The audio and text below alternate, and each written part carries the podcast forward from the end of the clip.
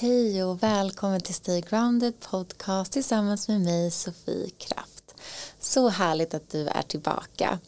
Förra veckan så lanserade vi vår nya meditationsserie Stay Grounded Meditation Series på engelska som vi kommer dela guidade meditationer som du kan ta till när du behöver en paus i vardagen eller kanske hitta tillbaka in till dig, tuna in till dig själv eller kanske bara behöver en reset under dagen. De kan ni spara ner och lyssna på när ni än behöver. En liten gåva från mig till er. I den här podden bjuder jag ju in gäster som jag är nyfiken på. Kanske någon med en spännande livshistoria eller med en kunskap som jag vill ta del av eller någon jag inspireras av. Och idag kändes det lite extra speciellt för att jag har bjudit in en god vän till mig, Sotan. Och vi har känt varandra i många år och framför allt festat väldigt mycket tillsammans när jag kom tillbaka från LA och kom tillbaka till Stockholm. För Sotan är DJ och fotograf och idag personlig tränare. Men det var just i de här festsammanhangen, nattlivet där vi eh, hängde.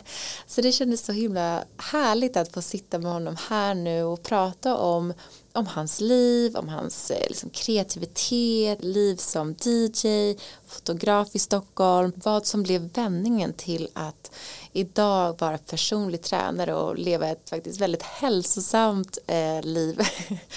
och jag älskar de här livshistorierna, jag älskar livsvalen, vad är det som har tagit oss dit vi är idag. Så det kändes så himla mysigt att få, få sitta med en vän.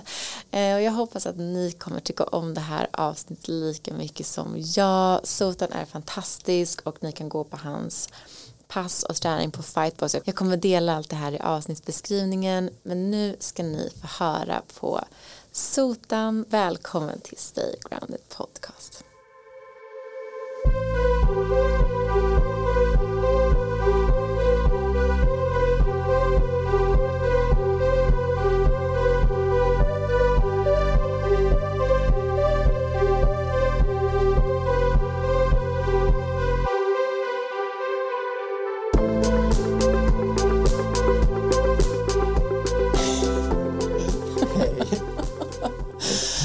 Sotan, jag är så glad att du är med mig här i Stay Grounded. Jag eh, hörde av mig till dig typ redan innan jag hade börjat spela in för att jag kände att jag gick igenom mitt här nätverk och så här, vilka personer i mitt liv vill jag veta mer om? Och vilka tycker jag inspirerar andra människor och är bara härliga energier och personligheter? Och du var verkligen en av de som dök upp bland de första så det är så kul att du äntligen har velat komma hit. Så varmt, varmt välkommen Sota till Stay Grounded Podcast. Tack snälla, kul att vara här. Jätte. Även om jag inte riktigt vet vad jag ska prata om, men det kommer nog bli bra.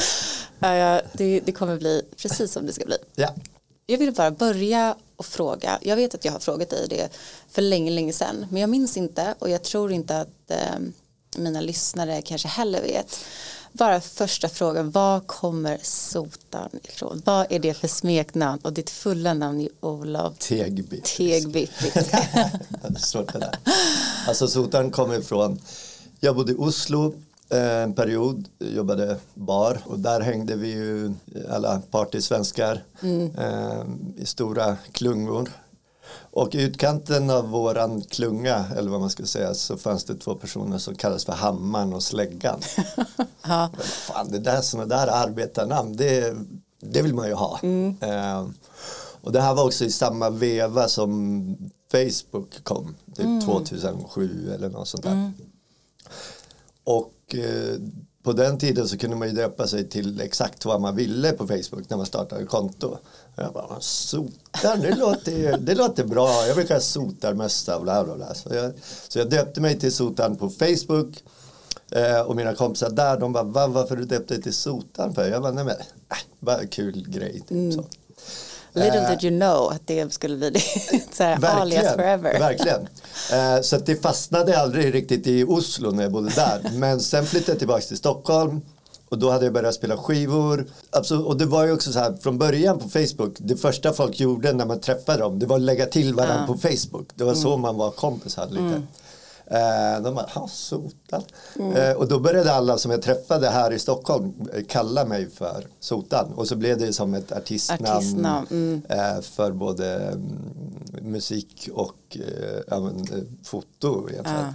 Så att det är liksom de, mina gamla, gamla kompisar från Umeå och så, de säger ju inte sotan. Nej, de säger det, det, det låter ju konstigt om någon av dem skulle säga det. Men sen är det vissa andra här som jag lärt känna senare, då låter det konstigt om de kallar mig för Olof. Ja. Så det är lite så. Ja, jag försökte tänka på när jag eh, träffade dig första gången eller när jag här, fick höra talas om dig men du, du har ju dels ett så här, artistnamn som Eh, man hajar till på. Men sen också hela din liksom, appearance är ju bara så här vem är den här spännande mannen? Och jag kunde liksom inte minnas exakt när det var vi liksom började hänga då använde jag mig faktiskt av både Facebook och Instagram. Jag måste gå tillbaks och se så här, när var det vi typ träffades? Och då såg jag att det var 17 november 2017 17 november, okej vad gjorde vi då? jag vet inte vad vi gjorde men Nej. jag har lagt upp en video på dig. Och jag kunde inte se den. Så jag bara tänkte så här okej vi har ju liksom, vi lärde ju känna varandra genom gemensamma vänner. Men då började det liksom gå tillbaks i hela vår så här historik av liksom vår relation och det var så kul att se för vi har gjort så mycket Ja, ja, ja. härligt och när jag tänker på dig så är det så här glädjespridare, Mm. eh, mycket energi, mycket ute i så här nattlivet, mycket så här stökiga kvällar, Mm. eh, minnena blandas ihop, dagarna blandas ihop, men bara hela känslan är bara så här, jag är så glad att Mm. eh, du är i mitt liv. Ja men detsamma. Eh, Verkligen. Jag vill verkligen ta den här tiden att så här, lära känna dig genom att dela det med mina, mina lyssnare. Prata om din kreativitet, ditt foto, ditt DJande och hur du liksom sprider din, din gåva verkligen. Men jag skulle vilja börja komma tillbaka lite till din bakgrund. Du nämnde lite snabbt att du är uppvuxen i Umeå. Mm, precis. Mm, du var uppvuxen i Umeå. Hur var det att starta livet där? Hur var det att starta livet där? Det var ganska lugnt och tryggt. Jag ja, men, växte upp med två föräldrar, eh, tre syskon, föräldrar som var gifta då, som fortfarande är gifta nu 40 år senare. Jag ägnade väl barndomen mest åt att spela fotboll, eh, mer eller mindre. Och ehm, Nej, men det var ganska tryggt och behagligt. Först bodde vi i lägenhet första sex åren. Sen bodde, flyttade vi till en, en villa. Och då var det så här att ja, men det, man gick över till grannarna. Det fanns, alltså i samma kvarter som jag bodde så bodde det också liksom, eh, fyra andra familjer som också hade fyra barn i våran ålder. Så det var alltid Lite Bullerbyn-känsla. Ja, man sprang över och bara, ah, jag är här, vart är han då? Nej, men han är hos Pettersson och käkar middag. Ah. Och det, man berättade inte ens det för mamma, de skickade iväg ändå. Ah. Liksom, till fotbollsplanen, eller så åkte de och letade efter oss där liksom. Och oftast var vi ju där eller hos någon av de andra familjerna. Eh, så det var ju ganska, eh, det var ju härligt eh, på så sätt. Sen när jag kom upp i tonåren, började högstadiet och sånt där, då eh, Ja men då var jag ganska, jag var ganska skoltrött ett tag blev lite, så här, lite stökig. Det var lite snatterier och det var, ja men du vet så saker man skulle, man skulle testa sig eh, och hålla på. Men forts, eh, vi fortsatte fortfarande med den här gemenskapen som jag hade fått från fotbollen. Från, för att fa- från första klass eh, så var vi liksom ett gäng eh, som höll ihop, spelade fotboll på rasten, vi spelade fotboll efter skolan och vi gick, i, ja, men gick då i samma lag. Eh, och mer eller mindre alla vi fortsatte med det ända upp i liksom hög tonårsålder eh, tills vi var så här 16-17 och alla fick alltid vara med. De som var lite sämre de fick också vara med men det funkade. Vi hade jävla massa vinnarskallar i vårt lag som var ganska duktiga. Så de var, som var lite sämre, de fick fortfarande vara med, men vi vann ändå. Och det var jävligt, det var jävligt viktigt för vårt lag. För det är Eh, så sådär. fint när man kan få det i så här uppväxten, den här känslan av gemenskap Mm. och den så här kärleken och vänskapen. För jag kan tänka på det mycket på nu när man är lite äldre, att man, det är lätt att man tappar den här eh, liksom hänga i gäng eller göra grejer ihop eller liksom man har ett mål tillsammans som man har när man tränar tillsammans. Eh, jag har inte riktigt haft det på samma sätt. Vi har alltid haft så idrotter som varit mer individuella. Men jag minns att jag alltid var så här, åh jag vill också börja spela fotboll för att det verkar så jäkla mysigt att bara vara i ett lag och ett gäng liksom. Nej men det där var ju genomgående, alltså under mellan 10 till 20 eller kanske tidigare till och med så spelade jag liksom fotboll, basket, innebandy, isbandy, eh, bordtennis, på volleyboll, alltså du vet alla sådana sporter. Eh, för jag gillade ju absolut den här gemenskapen som var framförallt då kring, kring lagsporterna liksom, och att man gjorde någonting tillsammans och så. Men sen så, ja men du vet ju äldre man blir desto mer seriöst blir det och då måste man ju välja så här, ah, vill jag satsa på det här och du kan ju dessutom inte satsa på alla de här Nej. sporterna och så.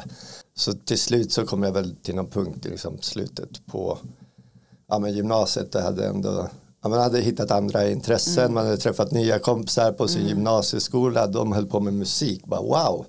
Det hade liksom varit helt främmande för att mina föräldrar, alltså jag älskar er, men ni är 0% musikaliska. Det har alltid varit, när man kommer ner en lördag morgon, det var inte så här härligt som jag tänker att jag ska ha för mina potentiella framtida barn att det är en Spela härlig, härlig R&B skiva Ja. på när jag kommer ner en lördag morgon och det luktar bröd. Det kunde absolut lukta bröd men det var var pratradio. fattar. Nej det var liksom P1 från morgon till kväll eh, jämt. Men hur spännande, hur kom musiken i ditt liv då? Var det genom mer kompisar och ju liksom på gymnasiet? Ja men det var väl i- i gymnasiet så träffade jag lite folk så här som eh, DJade och eh, ja, men även så här måla graffiti. Det var ju mycket hiphop eh, svängen då liksom. Och då skulle det allt vara vinylskivor, man skulle scratcha för det var liksom Ah, coolt. coolt. Det var coolt. eh, testade på det där då men blev aldrig riktigt bra och jag kan vara ganska otålig också. Så att, det är svårt att lära sig att scratcha och där grejen. Verkligen. Och då är det Eh. också så här, man bara CD-skivor och typ MP3, alltså allt det där är väl så här, det var ju- måste varit lite så här fight mellan så här, det nya moderna och så ska ni vara lite old school och så är det bara skitsvårt. Nej men så testade jag på det där men la väl ner det egentligen ganska, ganska snabbt ändå för att jag insåg att eh, där var jag inte så bra på. Liksom. När jag gick ut gymnasiet så flyttade jag, eller först var jag några säsonger i Alperna, åkte snowboard och sånt. Eh, jobbade och åkte snowboard och då hade jag ju lagt av med alla, liksom, Alla sporter alla sporterna. alla-. Då hade man fått andra intressen. Eh, och så. Så att, eh, då började väl en lite, så här, lite stökigare period Mm. eh, istället. Eh, Vilket nog är väldigt vanligt när man Ja. inte har ett så sammanhang på samma sätt längre. Jag kan i alla fall känna att så var det för mig också. Jag har alltid så här idrottat mycket när jag var liten men sen när man kommer upp alltså efter gymnasiet då är det inte så att man bara nu ska jag man kanske går till gymmet någon gång men jag hade verkligen svårt att hålla i sådana där alltså träning det är alltid, jag alltid älskat det men Mm. men man hittar roligare saker typ. Precis. Nej men det var ju det att jag hade tränat 6-7 dagar Ah. i veckan under, ja men egentligen till slutet, mitten, slutet på gymnasiet sådär. Mm. Eh, och sen när jag var klar med det då var det som att jag la med allt. Mm. Och så var inte i närheten av några sådana sporter. Okej, snowboard och så absolut. Men det räknade jag inte riktigt som en Nej. sport eller träningsaktivitet. Utan det var ju mest att eh, ja, det var nice bara. Eh, och så, så att, eh, där kom jag ju bort eh, ifrån det helt och hållet och fick en helt annan eh, livsstil. Livsstil, ja. Eh, Och, få- och var det där någon gång du började fotografera också för mig som lyssnar? Det är så här, du har ju verkligen en, eh, en stil som man ser att det är så här, det här är en bild som Sotan har tagit och det är ganska ovanligt att en fotograf verkligen har en så här eh, unik stil. Eh, man kan ju se din bild om man har lite hundra bilder framför sig så ser man ju exakt vilken som är din. Och det är så jäkla häftigt tycker jag. Så jag är lite nyfiken på hur den hur kom liksom den, började den här kreativa ådran eller hur började det här fröet eh, inom fotografi och kreativitet växa? Mm. Nej, det var första gången så under gymnasiet så gick jag någon sån valbar kurs, eh, foto 50 gymnasiepoäng, mm. där man fick testa att stå i mörkrum och sådana där saker. Mm, det, var själv. Ah, lite, det tyckte jag var lite kul, men jag är lite för otålig för den där analoga prylen. eh, så att jag, bara, ja, jag gjorde några bilder och så bara, oh, det här är så jobbigt. Ah. Men då började digitalkameran komma precis då. Men sen var det som att ja, men jag fotade väl lite grann under liksom mina första 20 år eller sådär men inte alls på någon högre nivå än någon annan. Mm. Men sen då mellan 23, 23, 24, 25 då bodde jag i Oslo då och eh, när jag var liksom less på att vara där och bara stöka omkring mm. så kände jag bara ja, men nu ska jag, måste jag göra något vettigt utav mig. Mm. Det var dessutom ganska många av mina kompisar som hade börjat flytta därifrån Eh, så tänkte jag bara, ah, men nu flyttar jag tillbaka till, till Stockholm som jag hade bott i ett år innan jag flyttade till Oslo också. Mm. Så då fick jag för mig, bara, men jag har nog ett litet öga för det där med foto i alla fall. Eh, och så sökte jag in då till Kulturama som eh, ja, ah, här i Stockholm. Kul. Hade de, jag visste inte att de har fotokurser. Ja, så gick ju den. De har två, jag vet inte om de heter, de heter nog inte samma nu, men de hade en som hette Eh, fotolinjen som var väldigt grundläggande som man inte behövde jättemycket förkunskaper. Mm. Insåg jag ju sen när jag sökte in då trodde jag bara woho jag har kommit in och trodde att jag var speciell. Sen insåg jag att alla fick typ vara med. Men det är väl lite det som är det fina också med ja. kreativitet. Man kan ju inte säga att du är bättre än annan. Nej. Man måste ju få forma sig eh, utefter egen förmåga och vem är det som dömer vad som är fint och fult eller bra eller icke fint. Ja liksom. men precis. Ja. Men det var, det var ju väldigt bra för att under det här första året som jag gick där så fick man lära sig supermycket tek tekniska bitar och så. Mm. Och bara hur mycket med ljus och hur man kan använda för att få en viss effekt. Och det finns ju otroligt mycket grejer man kan använda inom fotografi. Och det var bra för mig att få lära mig det där för då visste jag, vad, visste jag sen vad jag kunde utesluta. För mm. att jag gillar ju att göra det så enkelt som möjligt oftast i mitt foto. Och sen då finns det till år som hette högre fotografisk utbildning och där var det liksom, där kom inte alla in, där mm. var det mm. bara ett fåtal som mm. kom in. Men då kom jag in där och då det året är mer inriktat på ens liksom, kreativa och konstnärliga sida mm. och så. Så där hade vi superbra, superbra gästlärare. Mm. Eh. Kändes det utvecklande? Ja men det kändes verkligen. Hitta din, verkligen hitta din eh, stil. Ja, verkligen.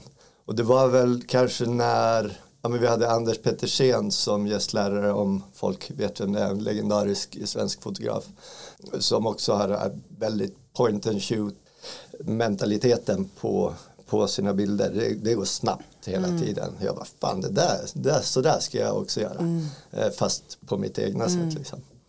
Ja, men du, så vad kallar du din stil? Point and shoot? Bara... Ja men precis, bara upp, smacka en blick i ah. ansiktet på folk. Och ah, det ska inte vara det... så stageat liksom. Nej mer, precis. Ah.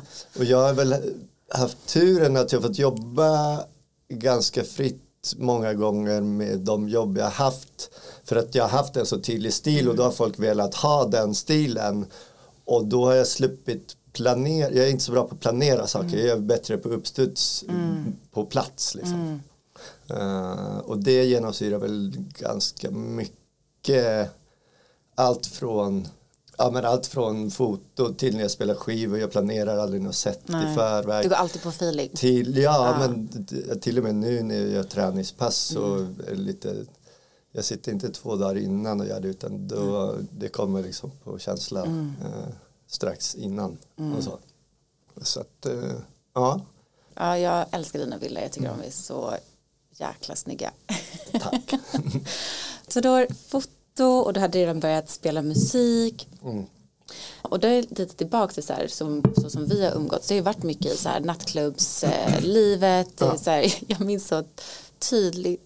Det var så himla roligt. Det var en sån här juldagens utgång. Just det, just det. Eh, som jag var med och jag bara, nu ska jag vara ute med sotan och vi liksom, jag fick hänga med dig i DJ-båset. Och det var så kul för att då upptäckte jag att du verkligen har lite så här fanclub. det var så jävla gulligt. Och det bara, ja de här är med lite liksom varje gång. Eh, så hur, hur har liksom musiklivet, du har ändå varit som en, alltså DJ Rockstar i Stockholm. jo, det tycker jag, man vet ju det. Så hur har det, hur har det varit och hur, eh, men din eh, musikkarriär? Ja, alltså det började också då när jag jobbade i Oslo. Mm. Jag och en um, annan snubbe, en norrman som heter Thomas som också jobbade i baren. Vi tyckte att DJsarna där vi jobbade då alltid spelade så jävla dålig musik. så vi säger då till han som bokar att bara, alltså om vi får spela en kväll då kommer det bli kassarekord. Han bara ja ja ja kul, och hammar kommer. Kul, kul grabbar. ja. Men sen så började vi liksom bara, fan vi kanske ska göra det här. Mm. Så då började vi tjata på honom. Mm. Eh, så till slut så fick vi då, han bara okej okay, ja, men spela en gång då får vi se. Mm. Uh, och det blev absolut kassarekord för vi hade ju hetsat alla våra polare att komma dit. Och upplägget från början, vi hade iPod battle, det var inte så att vi höll på att mixa. Mm. Vi hade varsin iPod och det gick hela tiden ut på att toppa låten innan. Så om han hade spelat någon riktigt ja, aggressiv låt. Smart. Så bara, nu ska jag spela en ännu bättre. Av ena sidan. Eh, så vi körde den där iPod battle några gånger. Och så sen så tänkte jag fan det är kanske lite kul att lära sig på riktigt att mixa. Det blir ju mm. roligare i slutändan för det här kanske inte håller hur länge som helst att bara stå här och Nej så då stod vi där på övervåningen eh, på den restaurangen där vi jobbade och tränade på dagarna på att mixa och så. Eh, och sen då gick vi över till att då var det ju fortfarande CD-skivor man spelade med. Och så där, vi spelade lite i Oslo medan liksom jag var kvar där dels på den restaurangen där vi jobbade och så lite, vi fick ändå lite andra spelningar mm. och så.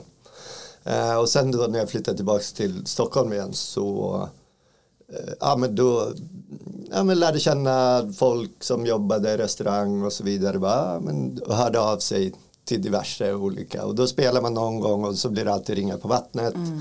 eh, och så. Och jag har ju alltid när jag spelar musik, jag spelar ju ganska spelar ganska lätt mm, musik. Väldigt glatt liksom. Det är väldigt glatt mm. och folk eh, man kan gärna känna igen låtarna som, ah.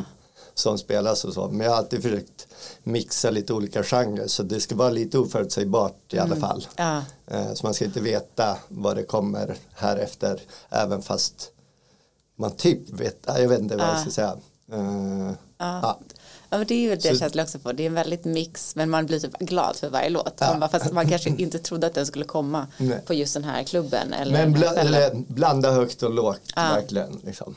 Ja. Uh, och då, ja men det där sprider sig ju och så ja, då fick man spela på ännu fler ställen mm. och sen blev det att ah, men vi har ju företagsfest innan jul, vill du spela på den? Och så sen var det, har det varit bröllop och mm. eh, hela den 50-årsfester och mm. hela den biten också. Jag tycker det är så kul för eller hur man ser en person jobba med sitt kreativa på olika sätt. Mm. Att liksom både kunna få uttryck i fotografi mm. eh, men också i, så här, i musik och ja, men också din kropp. Din mm. kropp är ju bara en stor duk mm. eh, som du har tatuerat topp till tå verkligen. Mm. Är det också något som du här, där du känner att din kreativitet får, liksom, får liv? Ja men det är det väl på något sätt även fast jag inte Alltså från början när jag började tatuera mig då var jag supernoggrann med den där, ska jag verkligen göra uh, den och så. När började du? Eh, 19 var uh. den första. Då gjorde jag liksom insidan på underarmen. Uh. Och då tänkte jag bara, jag ska bara en tatuering. Uh. så. Men sen gick, det ju, sen gick det ju fort utför. Och det var ju framförallt i Oslo, där lärde jag känna några tatuerare som var svinduktiga också.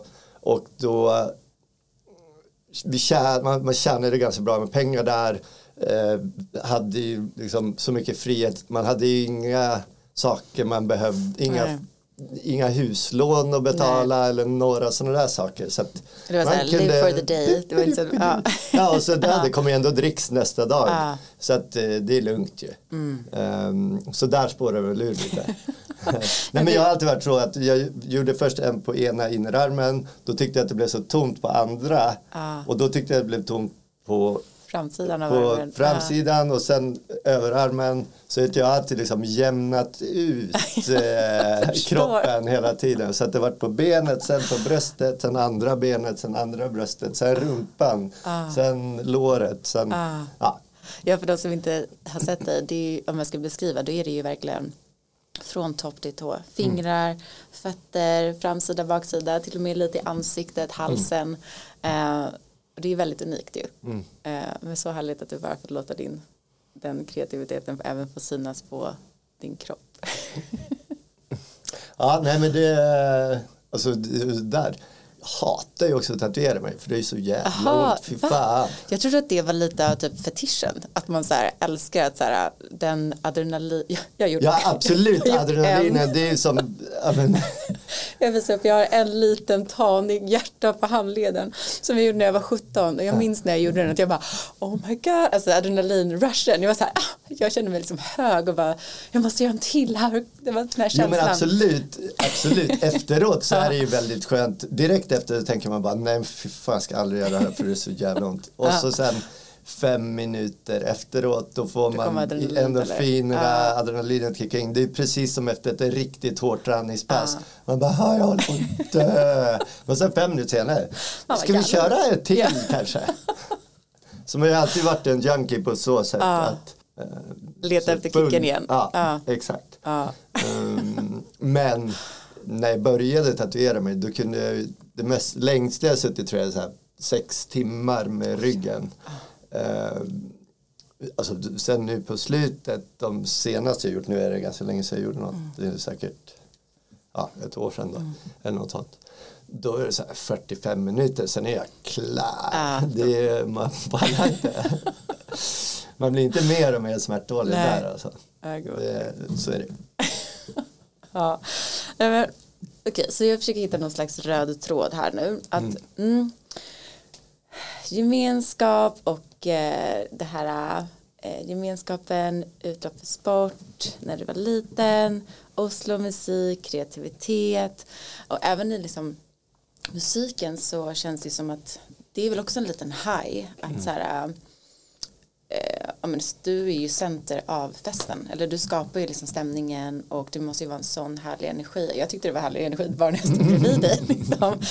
så har det varit lite så här kicksökande att liksom Absolut. söka de här äh, Absolut. söka energin och söka endorfinerna söka adrenalinet Ja, men jag har varit alltid ganska högintensiv så. Eh, och med då allt från, ja, men från när jag var liten tills nu med egentligen alla olika saker. Det ska gå snabbt och det ska hända mycket på samma gång. Liksom. mm. du är lätt uttråkad Ja, men det kan jag bli. Men jag har blivit bättre och bättre på att chilla och det kan jag göra ganska bra nu tiden också. Men sen när jag väl gör något då vill jag att det ska hända jättemycket samtidigt. Liksom. Men jag kan verkligen eh, stänga av och bara ligga på soffan. Ja, för att reflektera lite så här hur det måste vara lätt också så här köra slut på sig när man eh, jag tänker kanske framför allt på så här musik och DJ-livet så här, mycket sena kvällar eh, mycket folk överallt. Eh, man tar ju in folks energi även fast man kanske har liksom ett bord emellan er. Men det det suger energi också även fast jag förstår att det också ger väldigt mycket. Men har du känt att det har varit eh, ja, men, tar din energi någonsin slut eller hur tar det sig uttryck? Ja, men det Hur kan vara som tills precis innan pandemin började. Eh, ja, men kanske fyra, fem år innan där. Då hade jag väl ja, men runt 130-140 spelningar per Mm. år. Eh, Ja det är ju helt galet. Ja. Du kunde ju ha så en på, på dagen, en två på kvällen. Ja, exakt. Och då var det ju att man körde från ja, men tisdag, onsdag till lördag natt Mm. mot söndag. Och så sen då hel, söndag då var helt utslagen. Ja. Måndag också brukade jag se till att då ska jag inte ha så mycket att göra. Mm. Eh, men så gjorde man ingenting istället. Eh, och det var ju lite synd ibland för att så här, många av hans andra kompisar som inte har samma typ av jobb Eh, liksom, ja men det är helgen de är ledig på. Ja. Eh, man vill passa på att liksom, hänga med dem. Eh, för där har det också varit att eh, liksom, min, jag har ett fortfarande eh, många gamla Umeå-kompisar som jag umgås med fortfarande veckovis här mm. i Stockholm som jag lärde känna på, på gymnasiet. Mm. Och de har liksom alltid varit min, min trygghet. Alltså jag är ute och surrar omkring, har väldigt mycket så här ytliga, mm. Ytliga vänner. Mm. Alla uh, känner dig men Ja men ibland är det ju så. Ja. Liksom. Men jag har alltid haft dem, dem att gå, komma tillbaka, komma tillbaks till. Mm. Uh, och uh, känna att ah, där behöver jag inte. Där kan du liksom, vila kanske. Där kan jag vara liksom, lugn ja. och, och fin. Man behöver inte man behöver inte bevisa någonting Nej. för någon utan liksom, där mm. har vi det bara härligt mm. och bra. Mm. Uh, och så. Så att uh, ja, tills då pandemin kom uh, och det var precis innan dess som jag hade liksom hade bestämt mig också för att ja, men jag måste göra någon liten omvändning. Jag kände att så här, ja, det har blivit lite för mycket drickande, mm. Eh, det har blivit lite för lite tränande och jag försökte påminna mig om hur jag menar, att jag mådde bra av att träna back mm. in the days för jag mm. älskade det då. När jag gjorde den, vad var det, pandemin kom i februari, mars mm. någonting sånt där 2020. Uh, då hade jag precis börjat gå till en PT för jag hade bestämt mig att nej men nu, nu jävlar, nu, ska, nu är det dags att ta tag i det här mm. igen. Um, och eh, då går jag till den eh, PTn första veckan. Vi kör måndag, tisdag, onsdag, eh, styrketräning. Eh, som, ja, vi körde väl ben första dagen, armar andra dagen, axlar, rygg eller något sånt där, tredje dagen.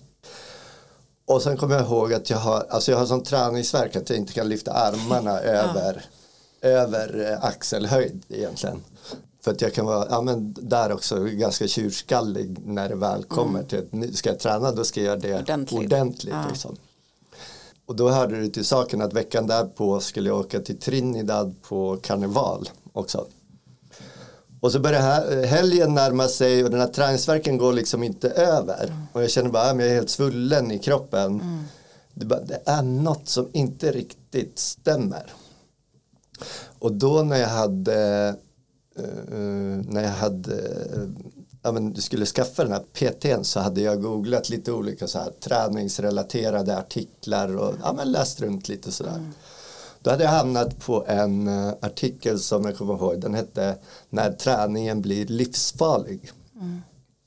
Uh, och då på söndagen, då var jag hemma, donade, packade, jag skulle åka på måndag mitt på dagen. Och så kände jag bara, äh, men det är något som är fel. Mina armar var fortfarande hur svullna som helst. Eh, jag kände det var någonting i kroppen. Och så var det att mitt urin, det såg ut typ som Coca-Cola. Ah. Uh, och då började jag minnas den här artikeln jag hade läst som hette När träningen blir livsfarlig. Så letade jag upp den igen. Och då står det om en sjukdom som heter rabdomyolys. Uh, och eh, nu kommer inte jag ihåg exakt vad det är som händer men det är mer eller mindre att musklerna typ spricker på grund av överansträngning så det läcker ut vätska som inte njurarna kan ta hand om i kroppen. Ja, vad fan, det är, jag har ju det där. Ah. Och så läser jag bara det kan, det kan vara direkt livsfarligt om eh, ja, man inte tar hand om det. Mm. Så. Så jag åker till SÖS den söndagskvällen, går till eh, hon i receptionen på akuten, säger, jag visar den artikeln, jag bara, jag har det här. Ja, hon bara, ja, ja, ja, en, ja. en till Google-analytiker här som har, eh, kommer. Jag bara, men nej, men jag, mm. jag är säker, jag har det här. Eh, hon ringer då in till jourläkaren eh, och eh, han bara, han måste in nu. Och så sen tre minuter senare så låg jag med dropp. Ja, jag minns det här så väl. Det var ju där länge på ja. sjukhus. Eh, och sen ja, första natten så låg jag på intensiven eh, med liksom över bak. Mm. Eh, Men fortfarande var det så här på måndag morgon, för jag mådde inte dåligt i huvudet eller så. Eh, och kroppen kändes okej, okay, för då hade liksom det onda i träningsverken gått över. Det var mer att armarna var svullna och så. Eh, så på morgonen, på måndag morgon, då frågade jag läkaren, jag bara du, det här planet jag ska med till Trinidad, är det något jag kan räkna med eller? Han bara kollar på mig och skakar på huvudet och går ut ur, ur salen. Liksom. Mm. Eh, så då fick jag ligga inne en vecka. Men gud vilken eh, Alltså det blir så som dubbel vändning på mm. att du så här, nu ska jag komma igång, ja, ta hand om min kropp. Men så är det som att din kropp verkligen får den här chocken. Att mm. så här, det här är galet men mm. samtidigt så här, nu när vi kan se på det idag mm. så är det ju ändå nu det bästa som kunde hända att du Absolut. gjorde den här förändringen. Absolut. För det var väl ett litet startskott till en, en ny livsstil för dig. Ja. Hur tog du dig tillbaka från sjukhuset? Nej men det var ju så då, när jag hade legat där i typ tre dagar så jag började bli riktigt uttråkad eh, och det enda som hände det var att jag fick dricka, dricka, dricka vatten. Jag fick, första dygnet fick jag 8 liter dropp plus dricka 4 liter vatten. För de typ spolar igenom kroppen eller whatever de gör. Och så fick de mäta hur mycket man kissar kontra hur mycket man har druckit och så vidare. Eh, så på onsdagen där, då kommer läkaren in. Han bara, ja, sjuksköterskorna bad mig komma in eh, för de tror nog inte riktigt att du har fattat liksom allvaret i det här. Hon bara, men du hade akut njursvikt liksom och hade du satt dig på det där planet till Trinidad så hade du förmodligen inte levt idag. Alltså det var så. Mm. Jag bara, åh fan. Uh, ja men så då låg jag inne en vecka och så sen så sa de bara att ja, men vila nu två veckor till och sen kan du börja träna igen men ta det lugnt stegvis och chocka inte kroppen på det där viset igen. Och hur kändes det att vara, ta den vilan? För då har du haft ett ganska så här hektiskt liv, allt är i full fart. Hur ja. var det att för första gången kanske ha så två veckor av liksom, ja, men stillhet. Först... För det är lite, jag kan inte koppla mm. lite till att om man, om man går på ett retreat eller mm. om man går på så här vipassana mm. eller man gör någon sån där meditationsgrej i tio dagar mm. att man bara, du måste Mm. Eller som du måste inte med ditt val att du säger jag ska bara tillåta mig själv typ ha lite tråkigt. Mm, och, nej, eh, precis. Nej, första två veckorna så gick det ganska bra. Men då var det ju sen då också i samband med att pandemin slog på riktigt. Vilket gjorde att de här två veckorna blev ju till att man kunde inte gå till jobbet. Dels folk var ju så jävla rädda. Och, eh, när man levde. Liksom, branschen drabbades ju väldigt Ja, ja precis. Det var, fanns ju inga spelningar längre och uh, alla plåtningar blev typ inställda också. Mm. Uh, så jag liksom hemma, jag hade ett kontor som jag gick till då. Det var några som var där. Uh, sådär. Men då var jag ganska uttråkad och då kände man ju sig ganska ensam. För det var också alla de som lever i parrelationer. De var ju så jävla bekväma då och höll sig på sina hörn. ja. Medans eh, man som singelperson mm. eh, levde, ja men kom jag låg på soffan så jävla mycket och man mm. blev deprimerad. Ja. Så jag försökte liksom då, ja men jag gick och tränade. Ja, men hur eh. kunde du, fick du, fick du liksom någon, någon slags eh, guidning där i hur du skulle kunna komma tillbaka till din kropp liksom steg för steg. För jag antar om du haft en sån här riktig chock och den här sjukdomen, den här, ja, men de här effekterna på din kropp. Hur kunde du veta hur du skulle ta hand om den efteråt? Nej, alltså ingen guidning egentligen ja. förutom att de sa bara börja försiktigt ja. och så känn in. Liksom. Känn in uh, ta inte ut dig till max från mm. början. Men sen, du kommer inte få några bestående men eller så. så att det är absolut inga konstigheter men börja bara lite lugnt. Mm. Eh, så då gjorde jag verkligen det, då mm. lyssnade jag på dem. Och sen gick jag ju till den där PTn igen, hon som också skämdes livet i typ att hon hade gett mig något livshotande oh, så jag fick tio extra gratis timmar av henne. Eller så. Um, I barely killed you. precis. Nej, så jag gick och sen, eh, men sen var det som att uh, ja, men jag fortsatte träna på gym för mig själv efter det. Men då var det... Jag letade fortfarande tror jag efter den här kicken. riktiga kicken mm. igen. Liksom. Um, och det tog ju ja, men det tog ju ett tag mm. uh, ändå uh, innan det kom. Och det, det hände väl aldrig riktigt på um, det hände väl aldrig riktigt där och då utan det hände väl ja, men först när jag började då på Fightbox som jag är på nu mm. eh, för ja, drygt ja, men januari förra året. Mm.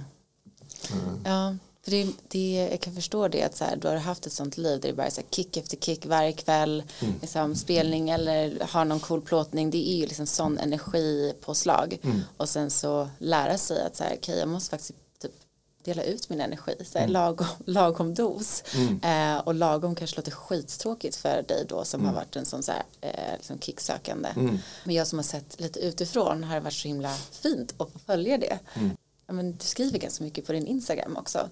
Och jag eh, tog fram, jag hittade du ska få berätta mer, liksom du, att, för nu jobbar ju du med träning. Det är mm. jättespännande att du har liksom kommit, tagit ett steg till. Men eh, jag läste en post som du hade skrivit i april 2022. Då ser mm. det så här, det var lyckan över att hitta tillbaka. Senaste gången jag kände sån här kärlek till träning var när jag var 16 år och spelade i pojkallsvenskan eh, i fotboll tack till livet och eh, tack till Linda, Bruce App, mm. Fightbox men framför allt stort, störst tack till mig själv. Nya mm. lördagsrutiner. Haters gonna hate. Och jag tyckte det var så jävla härligt att bara, för jag minns när du postade den, jag minns, alltså det var så fint att läsa nu, jag bara gud, vilken så här helomvändning, för att i den vevan när du började med träning så har du nu gjort det till din så här, verkligen din livsstil. Mm. Så fint. Mm, ja, tack. Nej men det känns ju asbra, verkligen.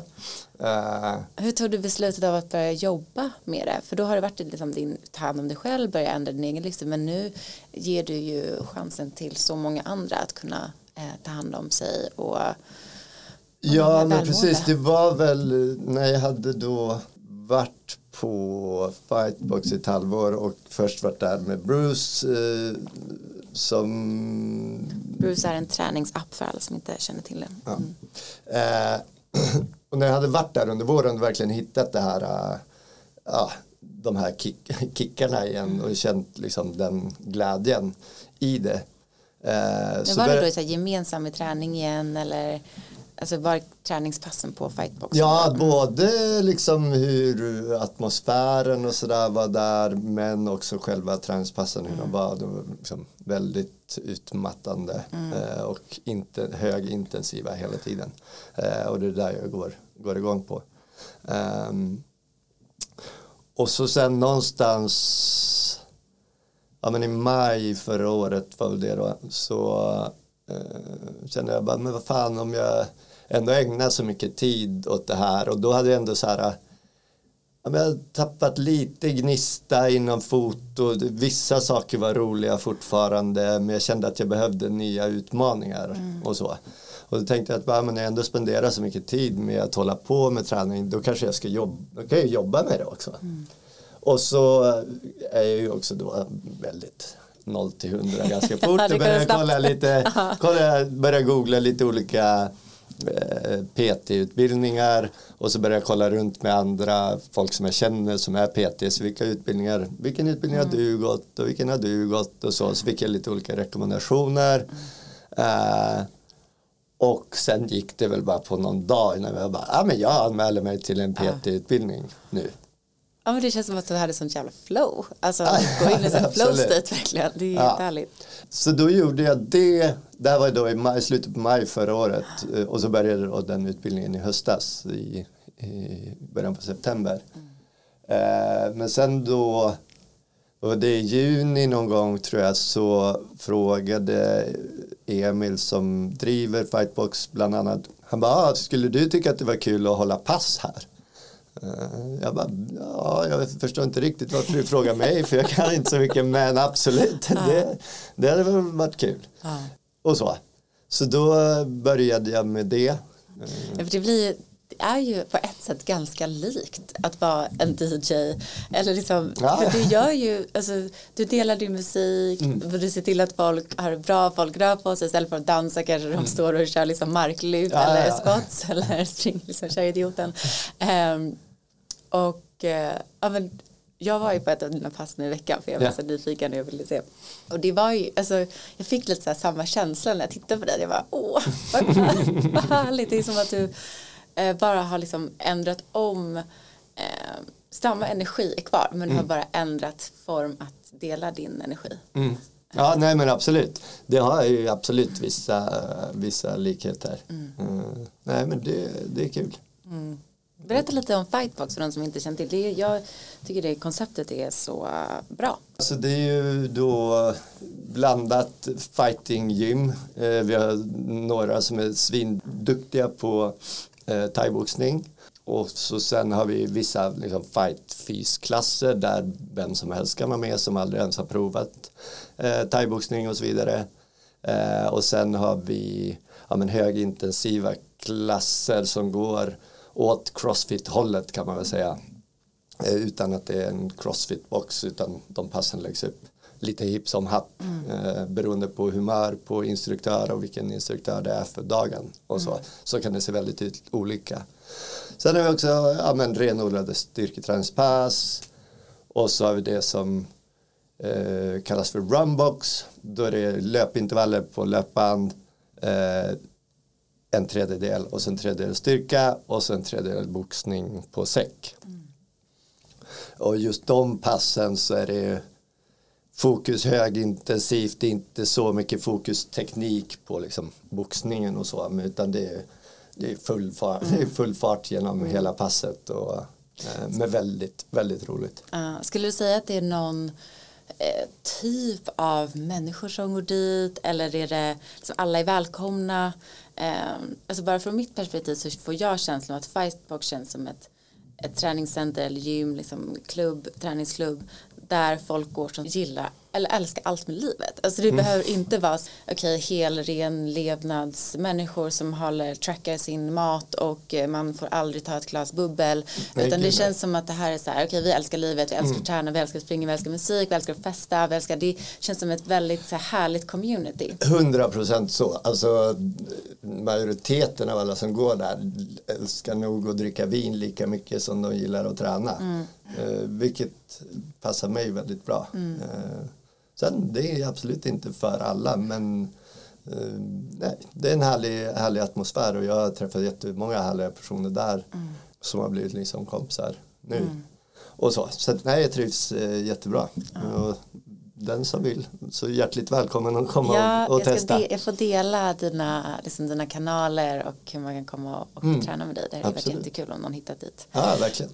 Men om vi okay, sotan idag. Hur ser ditt liv ut idag med din träning och balans i livet? Och...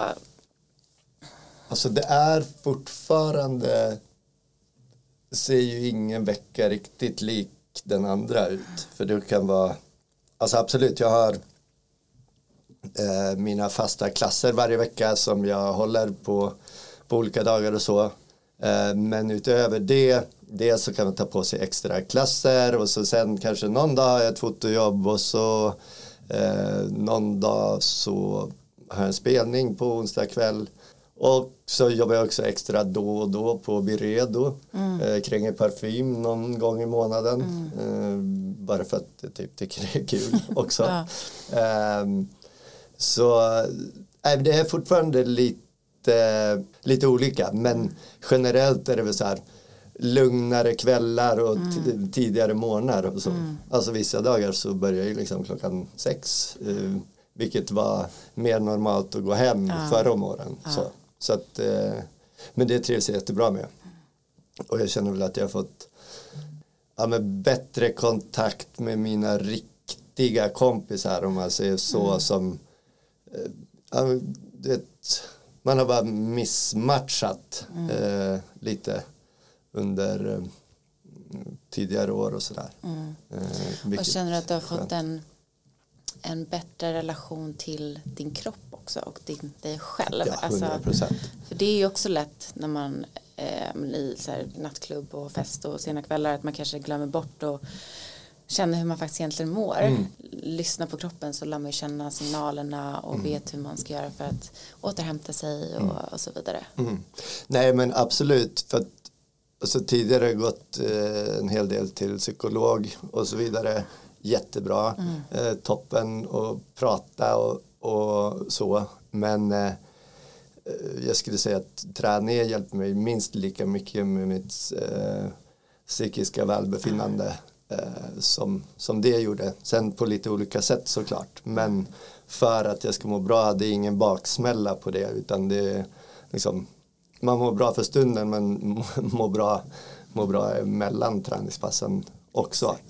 Exakt, exakt. Uh, men sen så gillar jag också gå och dricka ett glas vin eller sju med dig. ja, exakt, det måste vi göra snart. ja, exakt.